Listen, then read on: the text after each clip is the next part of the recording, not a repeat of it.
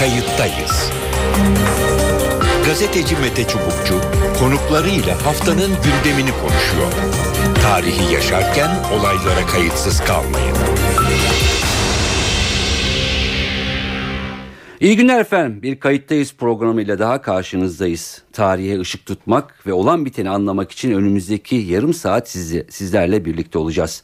Ben Mete Çubukçu, editörümüz Sevan Kazancı.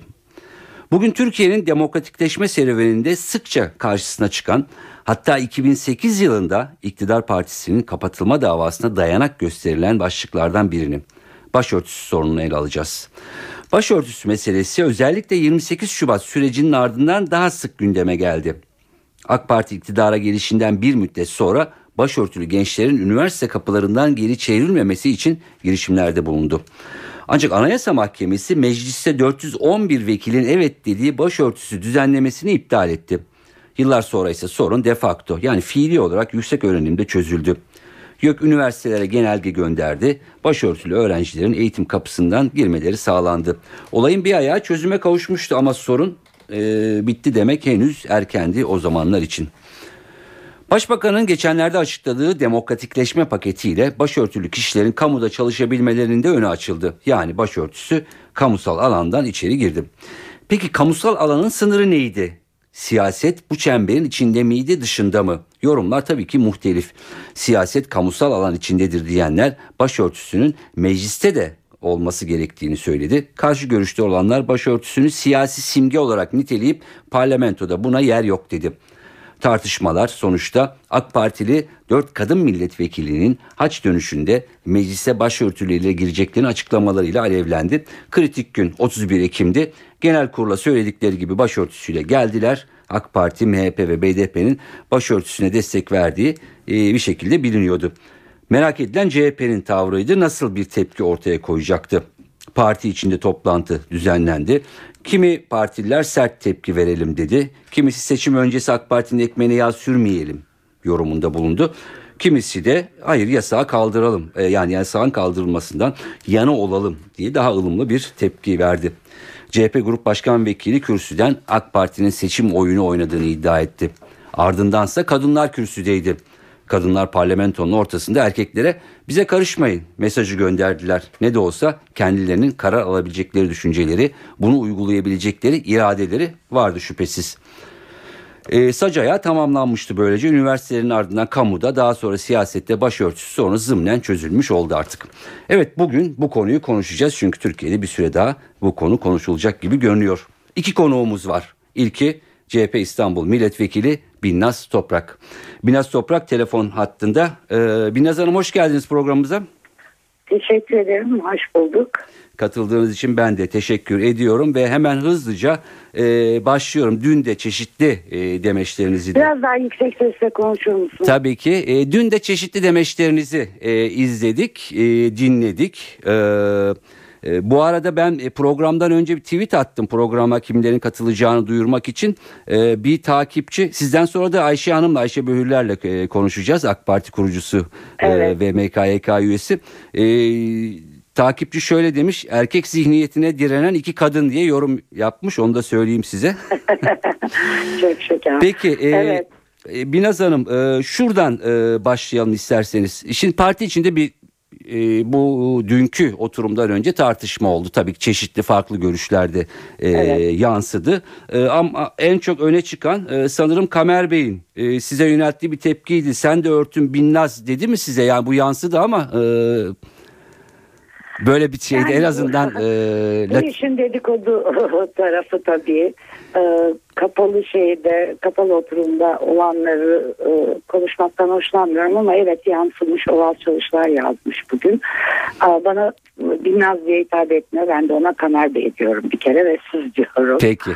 E, hitap etmeyerek yani ben konuşurken öyle oturduğu yerden ona benzer o zaman siz de örtünün dedi. Hı hı. Ben de ben ne diye örtünecekmişim çok meraklıysanız siz örtünün dedim. Olay bundan ibaret. Peki. E, genelde parti içindeki tavır e, nasıl bir nazanım? E, yani oradan kapalı toplantı dediniz ama eğilimler herhalde e, aşağı beş yukarı e, bellidir. Aa, evet şimdi e, gerçekten de iyi bir toplantı oldu. Bu resmi bir toplantı değildi bir sohbet toplantısıydı. Hatta çoğunluk var mı yok mu o bile aranmadı ama çoğunluk oradaydı zaten. Ee, ve de e, pek çok arkadaşımız konuştu ben de konuştum. Ee, herkes fikirlerini söyledi.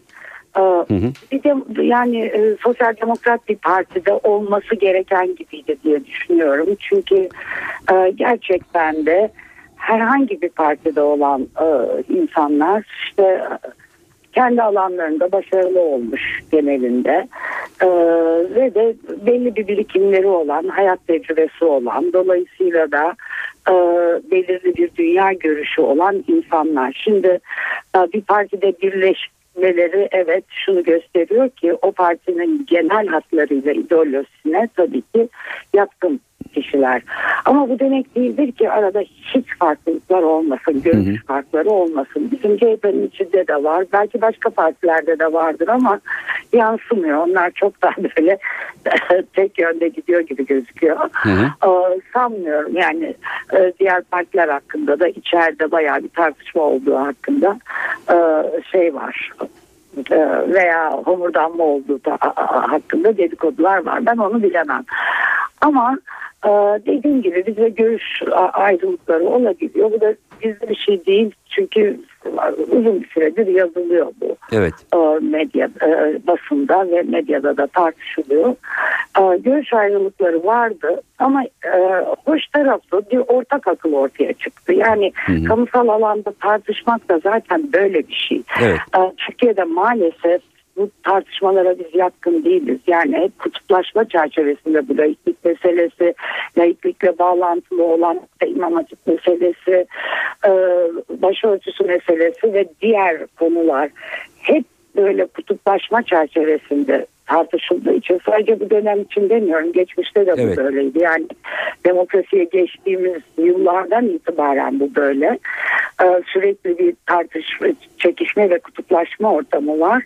Bunun normalleşmesi tabii e, herkesin yararına. Çünkü hepimiz biliyorsunuz bu tartışmanın içine doğduk. Evet. Belirli yaşlara geldik hala bitmedi tartışma.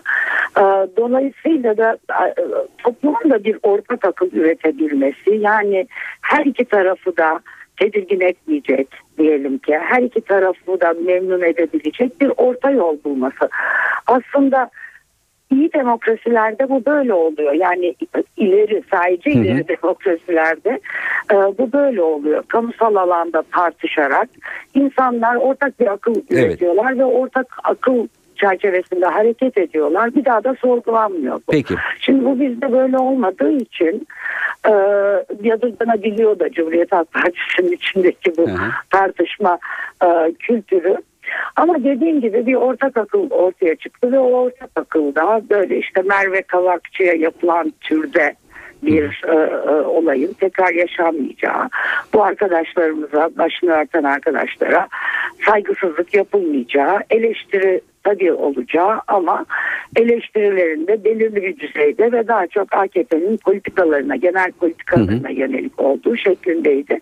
Çünkü bu başörtü meselesi de o genel politikalarla birçok insanın kafasında bağlantılı e, gözüküyordu. Özellikle de eğitim politikasıyla. Peki Sayın Toprak bir virgül, virgül 4 artı 4 yasa, yasasıyla evet pardon. Bir, bir virgül koyacağım bu 4 artı 4'ü e, unutmayalım. Minicik o, o parantezi kapatalım e, isterseniz.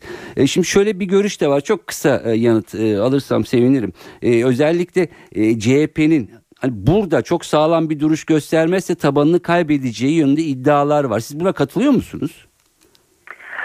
Aa, yani ben bilmiyorum bu iddialar doğru mu değil mi? En azından biz tartışırken böyle bir iddia hiç kimse tarafından gündeme getirilmedi. Hı hı. Şey bir görüş göstermezse seni tabanı kan nasıl bir görüş göstermez yani bir tep tepkisel bir ya buna tepki koymazsa e, bir şekilde e, tabanda e, şeyini kaybeder. Ha, o da zaten yansımış bir takım arkadaşlarım bunu söylediği e, gazetelerde okudum yansımış yani maalesef bu gizli toplantılar neden böyle ortaya çıkıyor anlamıyorum. Hı hı. Gizli de değil de kapalı toplantılar. Kapalı. Gizli gizli kelimesi yanlış. Basına ve kamuoyuna kapalı toplantı. Yani bir partinin kendi içindeki tartışması.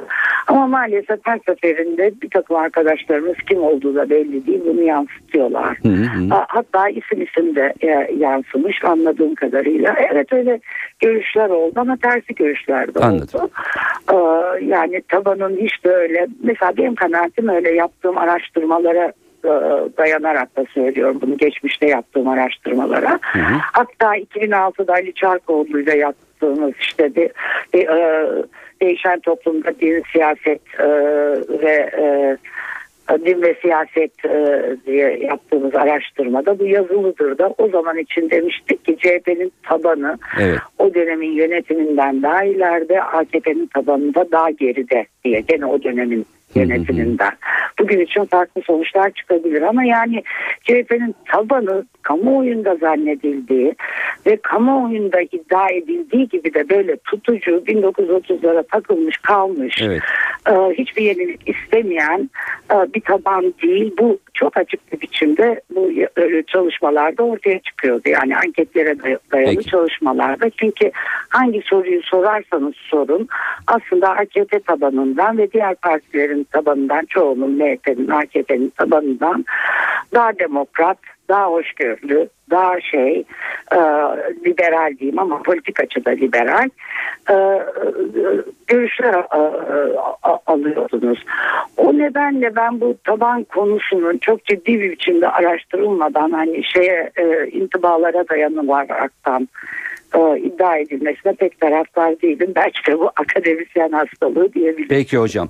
E, o zaman kaldığımız yerden e, devam edelim. E, sonuçta e, belli bir e, olgunluk havasında e, gerçekten e, geçti. Dün hepimiz izledik e, genel kurulu. E, bunun karşısında hani e, durmanın da çok da fazla e, anlamı yok. Bence de e, çok fazla e, yoktu ama tabii çeşitli eleştiriler de vardı. Ben sizin sözünüzü bir yerde kestim 4 artı 4 derken. Ha, evet yani 4 artı 4 tabii pek çok insanı tedirgin etti. Ee, bizim muhalefetimiz olmasaydı ilk getirildiği şekliyle komisyona daha da kötüydü. Çünkü e, ilk e, e öğretimi e, 12 yıla çıkarıyoruz diyorlardı ama aslında 4 yıla indiriyorlardı. Çünkü 4 yıldan sonra aileler isterlerse çocuklarını e, e, örgün eğitimden alıp evde e, şey edebiliyorlardı, e, eğitebiliyorlardı. Yani dışarıdan daha doğrusu bu çocuklar göğe takip edecekti. Şimdi bu dışarıdan eğitim veya uzaktan eğitim üniversitelerde bile pek yürümüyor. Yani nerede kaldı bu küçücük çocuklarda yürüsün. Üstelik Türkiye'de ortalama eğitim düzeyi 6 yıl zannediyorum. Hele hele lise düzeyinde e, böyle işte kimyaydı, fizikti falan en eğitimli aileler bile herhalde bunu çocuklarına öğretemez. Neyse bizim itirazımız evet. üzerine ondan vazgeçildi. 8 yılda Hı. 8 yıl e, örgün eğitim kabul edildi Allah'tan. Çünkü öteki kız çocuklarının e, okuldan alınması büyük çoğunlukla. Erkek çocukların da belki işte çıraklık vesaire gibi işlerde çalıştırılmak üzere alınması, okuldan alınması anlamına gelecekti. Bakın Türkiye'de eğitim çok çok önemli. Yapılan bütün araştırmalarda da e, bir ilkokul e, e, eğitiminin bile yani 5 yıllıkken 5 yıllık bir eğitimin bile hiç okuma yazma bilmeyenlere göre düşüncelerde, tavırlarda daha demokrat insan yarattığını ortaya çıkarıyor. Hatta Yılmaz Esmer vardır meslektaşım o bu değerler araştırmalarını yapar. O hep şöyle diyordu yani bu çocukları bir sınıfa taklı soksanız hiçbir şey yapmasanız gene fark ediyor diye. Evet. Gerçekten de öyle eğitim düzeyi yükseldikçe bu e, şeylerde yükseliyor. Onun için eğitim çok önemli. Aileler de farkında. Hani o eski Türk filmlerinde olduğu gibi artık zengin kız fakir olan falan veya fakir kız zengin olan bunlar uyduruk. Yani insanlar eğitimle o açıdan bu toplum açık bir toplum. Bakın her toplum öyle değildir. Sınıf e, farklılıklarının daha keskin olduğu pek çok aslında Avrupa toplumunda bile böyle alt sınıftan gelip köyden gelip yükselmeniz o kadar kolay değildir İngiltere'de, Fransa'da vesaire. Türkiye o açıdan daha başından itibaren, Cumhuriyet'in başından itibaren hakikaten de açık bir toplum. İnsanlar da bunun farkına varmış e, durumdalar. Hı hı. Onun için bu eğitimle ikide bir oynamak, e, yani AKP döneminde bu çok yapıldı. E, 8 yıl eğitim fevkalade başarılıydı. Ve özellikle de işte okulların pek çok okulun İmam Hatip okuluna dönüştürülmüş olması, seçmeli ders mesela biz seçmeli dersi komisyonda falan destekledik çünkü iyi bir şey çocukların kendi yeteneklerine göre dersleri seçebilmeli. Ama sonuçta ne oldu o seçmeli dedikleri derslerin hiçbiri verilmiyor. Aileler fevkalade şikayetçi sadece ve sadece dinle ilgili olan Peki hocam e, çok özür dilerim. Biraz Yani bir de son cümle ekleyeyim. Buna bir de eklerseniz şu düne dönelim. Kindar ve kindar nesil yaratacağız gibi söylemleri eklenince tedirginlik daha da artıyor Peki. tabii. Evet pardon. Ee, dün, düne dönecek e, olursak e, ya, Biraz dü, dü, düne dönecek olursak e, evet. e, hocam e, Şafak Hanım'ın Şafak Pavey'in bir konuşması da e, vardı. Çok tartışılıyor, çok e, konuşuluyor. E, bir şey daha var bugün e, tartışılan özellikle e, dün de onun altı çizildi kadın konuşmacılar tarafından milletvekilleri e, yani erkekler e, kadınlardan daha fazla e, konuşuyor ve e, aslında sorunları kadınların çözmesi e, gerektiği yönünde ne dersiniz? Valla ben buna o kadar katılmıyorum açıkçası. Pek çok arkadaş konuşan kadın arkadaşlarımız, milletvekili arkadaşlarımız e, hem AKP'den hem e, e, HDP'den hem işte, MHP'den, MHP'den bunu vurguladılar ama ben ona katılmıyorum. Yani her konu toplumu ilgilendiren konu. Başörtüsü meselesi de erkeklerin de ilgilendiği bir konu. Yani tepki gösterenler açısından da ilgilenen erkekler var tabii ki. Göstermeyenler, bunu makul kabul edenler açısından da ilgilenenler var. Onun için böyle çetrefilli bir sorun.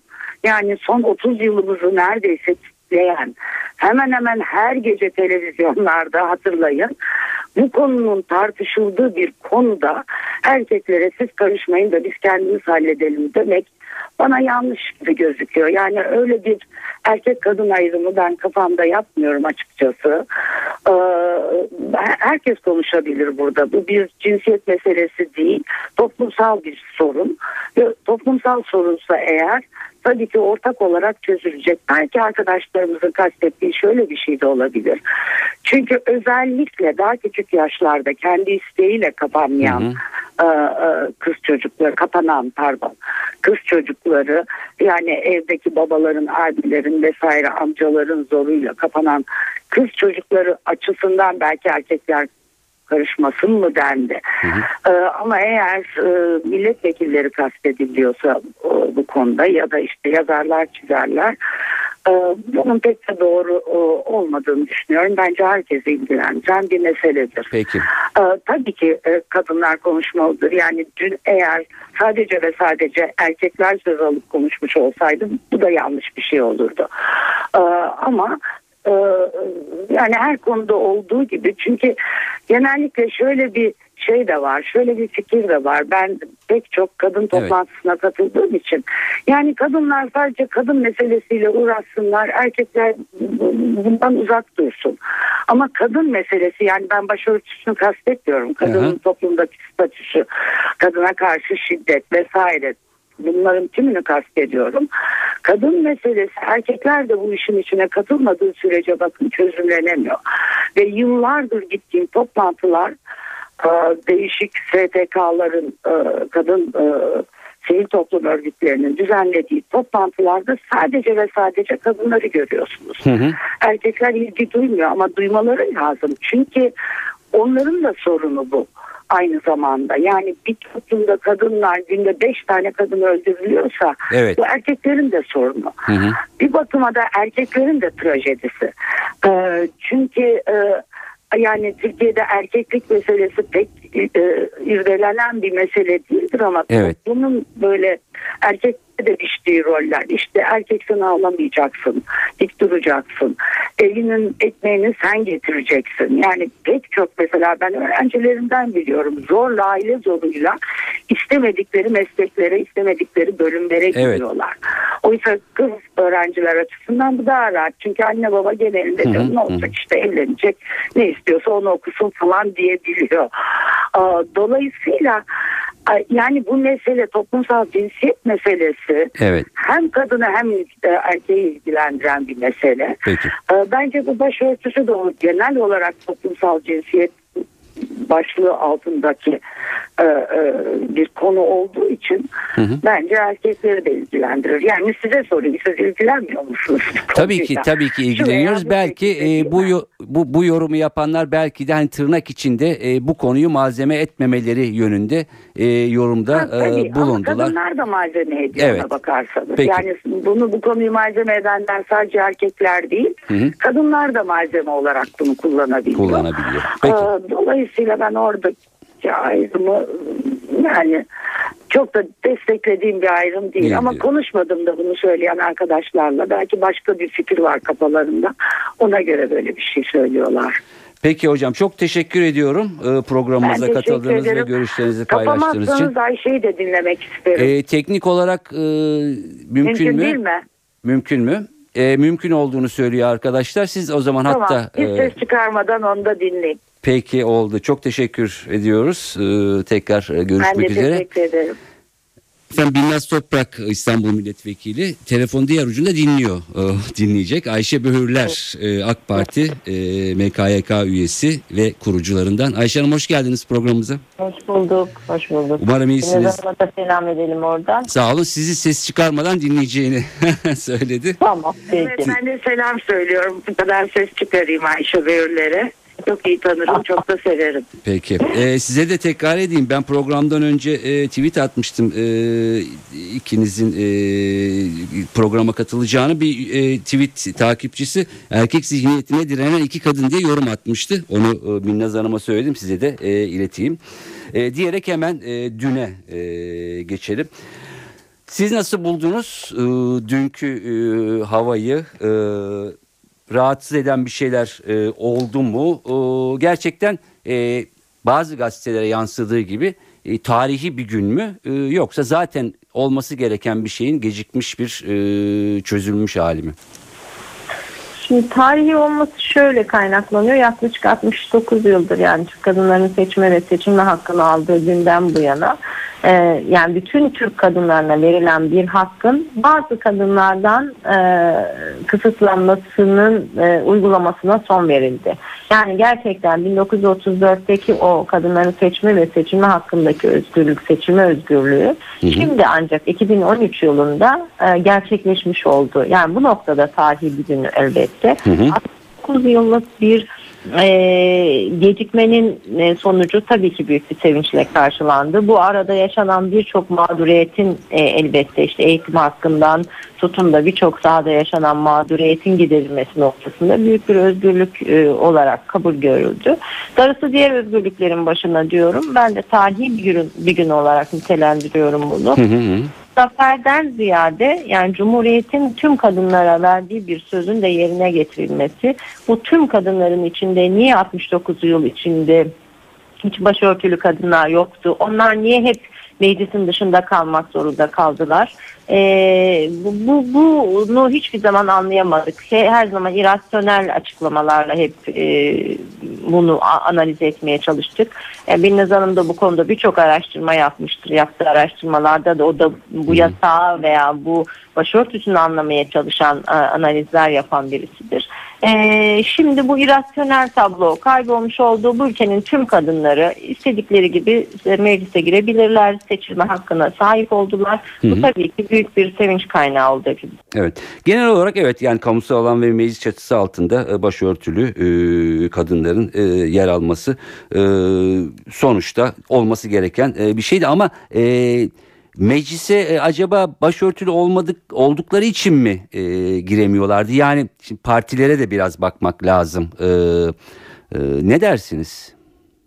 Yani elbette şimdi bu yazılı olmayan bir yasak yani sadece meclis değil devletin hiçbir kademesinde yani şimdiye kadar işte AK Parti iktidarı işte e, ne kadar da başörtülü eş dahi yoktu. Yani devletin herhangi bir bak- kademesinde bir bakanın bir e, görevlinin eşinin başörtülü olması bile normal kabul edilmiyordu. Yani bu Türkiye Cumhuriyeti'nin yazılı olmayan bir ayrımcı yasasıydı açıkçası. Ee, ve bu yazılı değildi bu yasa ama bir şekilde uygulanıyordu ancak AK Parti iktidarıyla birlikte bu durum değişti. Ha şunu demek şunu demek istiyorum. Yani e, meclise evet e, girememeleri e, bir hakkın e, engellenmesiydi. Ama e, o nedenle mi siyasete e, katılmıyorlardı ya da e, daha fazla önleri açılmıyordu. Yani kadınlık ve başörtüsü üzerinden sormaya çalışıyorum. Tabii aslında Cumhuriyet tarihine baktığımızda yaklaşık işte ortalama 69 yıl ıı, yani kadınların seçme hakkını aldığından bu yana geçen sürenin içinde 9538 erkek milletvekili girmiş meclise. Bunun 312'si kadın.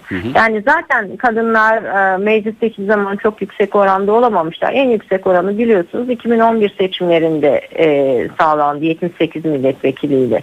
O vakte kadar ortalama Cumhuriyet kuruluşundan 2003 seçimlerine kala- kadar ortalama oran %4.3 civarında kalmış. Yani %1.5 bile oranında olduğu dönemleri görmüş Türkiye parlamentosu kadınlar noktasında. Ama tabii burada kadınların siyasete özendirilmemesi, siyasetin bir erkek işi olarak sunulması, bir e, işte kadınların bunun dışında tutulması, sahada çalıştırılıp daha üst kademelere alınmaması gibi birçok erkek davranışının ataerkil e, sistemin, siyasetin ataerkil eğilimlerinin, değerlerinin de burada etkisi var. Ama bütün bunların hiçbirisi başörtülü kadınlarla ilgili değil. Yani başörtülü kadınların alınmama meselesi ciddi biçimde Cumhuriyet'in resmi ideolojisinin dindar kadınlara kapattığı bir kapıyla ilgilidir. Yani ona bakışıyla ilgilidir. Bir sembol olarak görmüş ve o bir e, o sembolü de hiçbir zaman devletin hiçbir kademesinde görmek istememiş. Yani bu noktada başörtüsü özel bir yer e, görüyor ama hani genel olarak kadınlara baktığımızda siyasetten Evet. uzak tutulması noktasında yani 9538 milletvekili nerede 312 milletvekili nerede 69 yıl içinde söylüyorum yani ar- ar- aradaki uçurumu bu rakam çok güzel ifade ediyor Ya aslında. katlamalı bir sorun var aslında kadınlarla ilgili. E, Gerçek öyle tabii partiler her zaman siyaset erkek işi olarak görülmüş, bir erkek oyunu olarak görülmüş ve e, kadınlar da bundan uzak tutulmuş. Yani şimdiye kadar Cumhuriyet tarihinde benim bildiğim e, 12 tane falan kadın bakan var. Yani o kadar az sayılara e, işte daha üst düzeye gelmesi. Parti üst yönetiminde kadınların olması da çok az mesela. E, me- biz AK Parti'de kurucu olduğumuzda altı kurucu kadındık ve ilk defa bir partinin kurucuları arasında kadınlar vardı. Evet. Yani e, bunların hepsi hani Türkiye'de siyaset noktasında e, hep e, kadınları uzak tutan bir yaklaşımın ürünü. Ama başörtülü kadınlarla ilgili meseleyi sadece buna bağlamak mümkün değil. Anladım. Yani orada başka rejimin, başka e, paradigmaların, başka e, yaklaşımların etkisi oldu. Bir, bir özgürlükleri kısıtlayıcı bir bakışı vardı devletin topluma, kadına, bireye. E, şimdi bu bakışın ben kısmen bu e, değişimle birlikte daha değiştiğini ve değişeceğini umut ederek gitmek istiyorum. Ee, dün Şafak Bey'in bir konuşması vardı. Ee, dinlediniz mi ya da okudunuz mu Ee, Evet, bilmiyorum. o- Ya katılırsınız. Hem dinledim hem okudum. Evet. Katılırsınız katılmazsınız ama bir şey vardı yani bu e, kadın meselesini artık ru- rujla türban üzerinde arasından çıkarmak lazım e, diye. Nasıl yorumlarsınız bunu? Yani açıkçası e, mecliste yapılan konuşmalar içinde Pervin Buldan'ın konuşması, gerek, gerek MHP'li Ruslar Demirel'in konuşmasını çok beğendim. Ee, ama Şafak'ın konuş, Şafak beni hayal kırıklığına uğrattı. O, o şey yani konuşmanın tüm kurgusu, tüm metni okuduğumuzda o aradaki mesaj zaten kaybolup gidiyordu. Ee, ve anne ben şunu söylüyordu toplam olarak ben bu dindarların işte bu kesimin bir özgürlük falan getireceğine inanmıyorum. Ee, yani bunu yapmalar için daha çok fırın ekmek yemeleri lazım. Bu lanet ülkede neredeyse hani e, bu, bu çok mühim bir şey değil gibi bir mesajı vardı konuşmasının okuyunca da bugün Hasan Cemal de yazmış zaten. Ee, tek tek cümlelerin üstüne durduğumuzda elbette katıldığımız ortak 3-4 cümle bulabiliriz. Yani ben de işte türbanla kırmızı ruj arasında sıkıştırılmış olmaması, Evet. işte sekülerizmle ilgili endişeleri vesaire noktasında. Ee, elbette yani ne türbanı konuşalım ne kimsenin kırmızı rujunu konuşalım ne dekoltesini konuşalım ne mini eteğini konuşalım. Yani muhafazakar kesimden dindarlar bunu yaptığında da ona hep birlikte karşı çıkalım.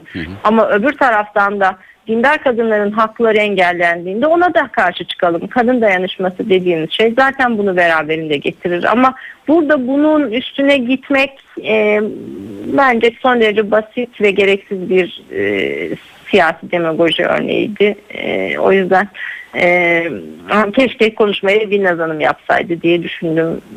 Daha önce çok bu konuda siz, kendisini e, dinlediğim için. Katılmıyorsunuz görüşlerine. E, o zaman şöyle devam edelim. E, konuşmamızın başlangıcında e, sırada yeni özgürlükler var de- demiştiniz yanlış hatırlamıyorsam. Biraz orayı açalım isterseniz. Ya tabii ki bütün inanç özgürlüklerinin kapısı açılsın. Yani Aleviler için de açılsın, herkes için açılsın. Yani biz işte Binaz Hanım'ın da yaptığı mesela mahalle baskısı araştırmaları vardı. Katıldığım ve elbette katılmadığım birçok no- noktalar, yerler var. Ama toplumda bu görünen ve görünmeyen baskıların e, kalkması biraz bu özgürlüklerin gelişmesine bağlı bir şey. Yani biz yasalar bazında bu özgürlükleri geliştirdikçe toplumda da bu görünen ve gör- görünmeyen yani işte mahalle baskısı dediğimiz birçok şey hafifleyecektir.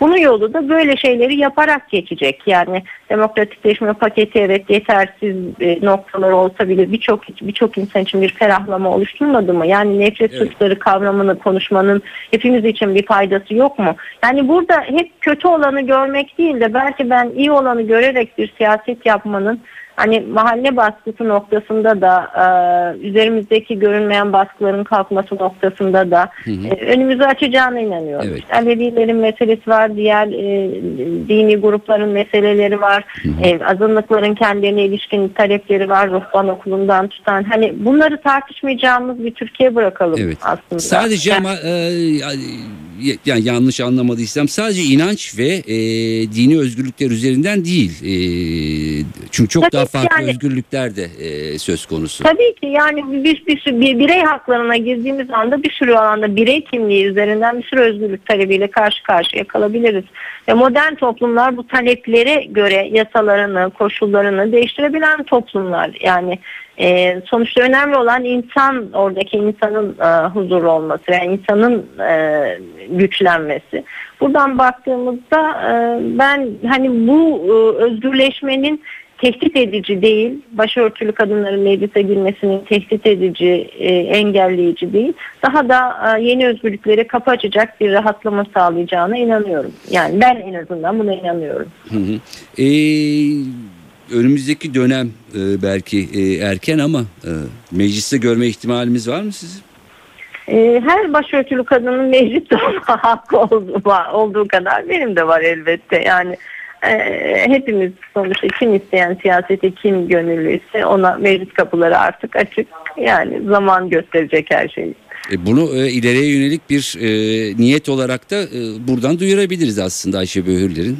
Öyle mi? Yok bu yani zaman gösterecek zamanla yani siyaset çok kendi kararlarımızla toplumun o anki haliyle ne olup ne bittiğiyle de alakalı bir şey ama sonuçta zaten hani bir partinin kurucusu ve 11 yıl MKYK üyesi olarak uzun yıllar siyasetin içinde birisiyiz. Hı hı. Ee, ama hani bütün başörtülü kardeşlerim bunu hak eden isteyen bütün başörtülü kardeşlerim ne kadar orada e, hakkı varsa benim de o kadar hakkım var diye düşünüyorum. Peki E, çok az zamanımız kaldı ama e, biraz başa dönmek istiyorum. Tabii ki bu e, özellikle başörtüsü e, meselesi de kamusal alan e, meselesinde e, birçok kadının e, yanı sıra erkekler de e, sadece tırnak içinde muhafazakarlar ya da dindarlar değil diğer kesimler de e, bayağı bir mücadele verdi. E, değil mi? Bunu da hakkını teslim etmek e, gerekiyor ama özellikle Tabii. kadın mücadelesi çok öne çıktı burada. Yani pek belki şimdi hatırlanmıyor ama e, sonuçta e, bu mücadelenin altında çizmek lazım.